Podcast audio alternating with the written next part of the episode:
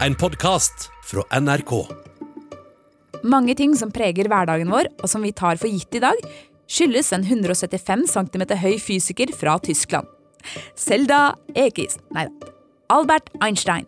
Det kan hende du vet om noen av tingene som fins pga. ham, men sikkert ikke alle. Jeg har valgt meg ut noen av dem, så du kan fylle opp fun fact-sekken til neste skogstur med venner.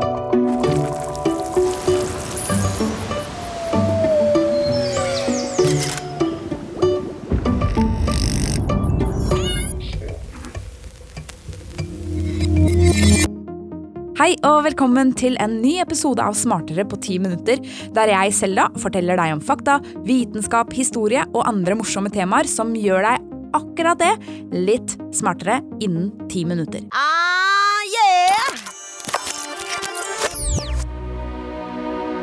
Ta på deg tenkehatten, for nå skal jeg snakke om arven etter kanskje verdens mest kjente fysiker, Albert Einstein. Aller først ut er en oppfinnelse som nok hadde større betydning for folk tidligere, men som fortsatt står som en bauta i de aller fleste hjem. TV-apparatet.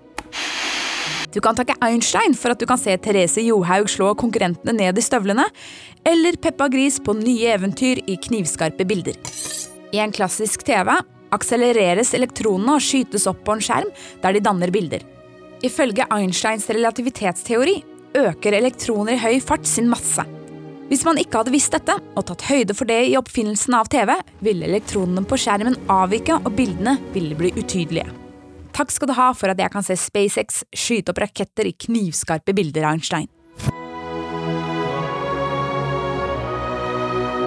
Fra å se bilder til å ta bilder. Vi kan også takke Einstein for digitalkamera. Et digitalkamera fungerer ved at en sensor inni kameraet gjør om lyset fra linsen til elektriske impulser. Dette prinsippet her er en direkte konsekvens av Einsteins teori for den fotoelektriske effekt fra 1905. Han mente at effekten kunne forklares om man istedenfor å se på lyset som en kontinuerlig bølge, antar at lyset består av små, såkalte lyskvanter, eller fotoner, og at disse fotonene avgir energi i form av elektrisitet. Ding-ding! Ti poeng til Einstein. Da jeg var på bilferie som liten, kjørte vi rundt etter store kart som måtte brettes ut for å finne ut hvor vi var. Det føles helt utenkelig ut nå, og det er i stor grad Einsteins fortjeneste. Når jeg i dag trykker inn hvor jeg skal og følger en pil og en stemme på GPS-en, er det Einsteins fortjeneste at jeg ikke kjører meg bort. GPS-systemet beregner nemlig posisjonen min ved å måle avstanden til fire satellitter samtidig, men disse satellittene de fyker rundt 20 000 km over oss i en fart på 14 000 km i timen.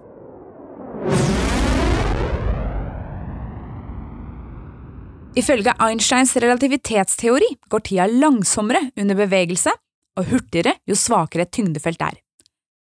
Dette betyr at hvert døgn taper satellittene 7 mikrosekunder på grunn av hastigheten og vinner 45 mikrosekunder på grunn av forskjellen i tyngdefeltet.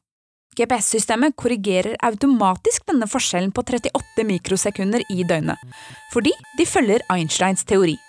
Uten disse korrigeringene ville det ikke vare mange minuttene før GPS-en fortalte meg i bilen at jeg var et helt annet sted enn det jeg er, og jeg hadde kjørt meg fullstendig bort. Det er fortsatt lov å bruke øynene, for det har hendt at folk har bare kjørt ut av veien ved å følge GPS-en helt sånn blindt.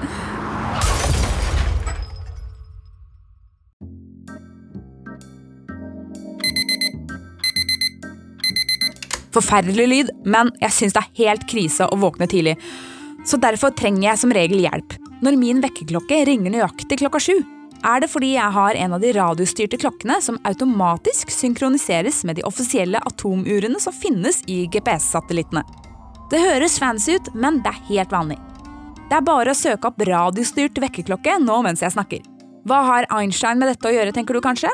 Vel, det handler nok en gang om tid. Og fordi tida, ifølge Einstein, går langsommere om bord på en satellitt, oppstår det et lite, men viktig avvik. Dette vet vi nå at stemmer, og derfor kompenserer vekkerklokkene for dette. Tidsmålingen blir nøyaktig, og jeg rekker heldigvis bussen som tar meg til NRK på Marienlyst.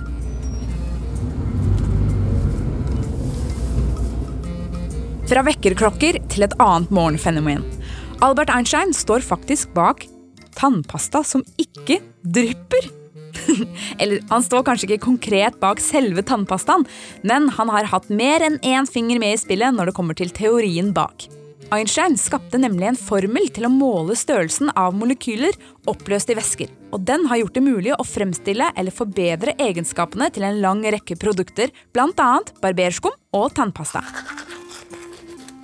Så når tannpastaen ikke renner av tannbørsten før du har ført den opp til munnen, eller når barberskummet holder seg fast på haka en trøtt mandagsmorgen, så kan du takke Einstein for det.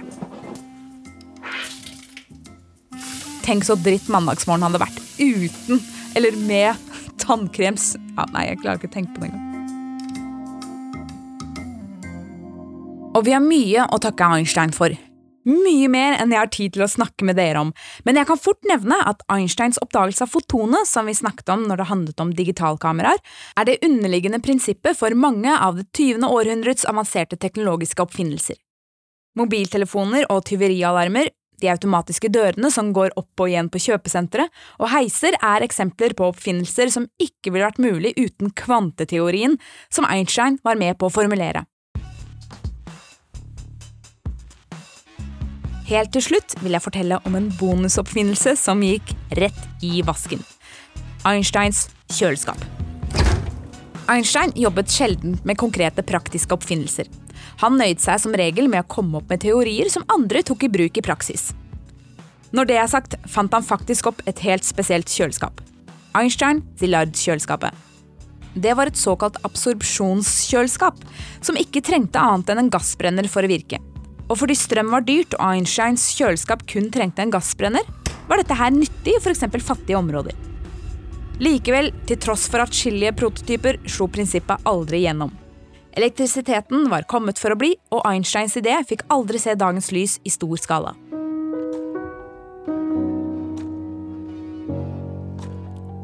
Jeg gir meg der og tror vi alle kan være enige om hvorfor Albert Einstein fortsatt er verdens mest kjente fysiker. Han fortsetter å prege livene våre den dag i dag, 65 år etter at han døde. Ikke bare hadde han dritkult hår, vi kan også takke ham for TV, digitalkamera og tannpastaen. Og hvis jeg kan bruke Einsteins GPS-signal til å finne veien fram til studio, så høres vi i neste episode også.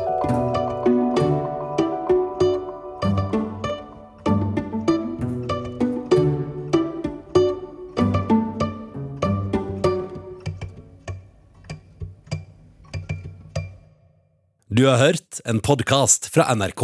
Hør flere podkaster og din favorittkanal i appen NRK Radio.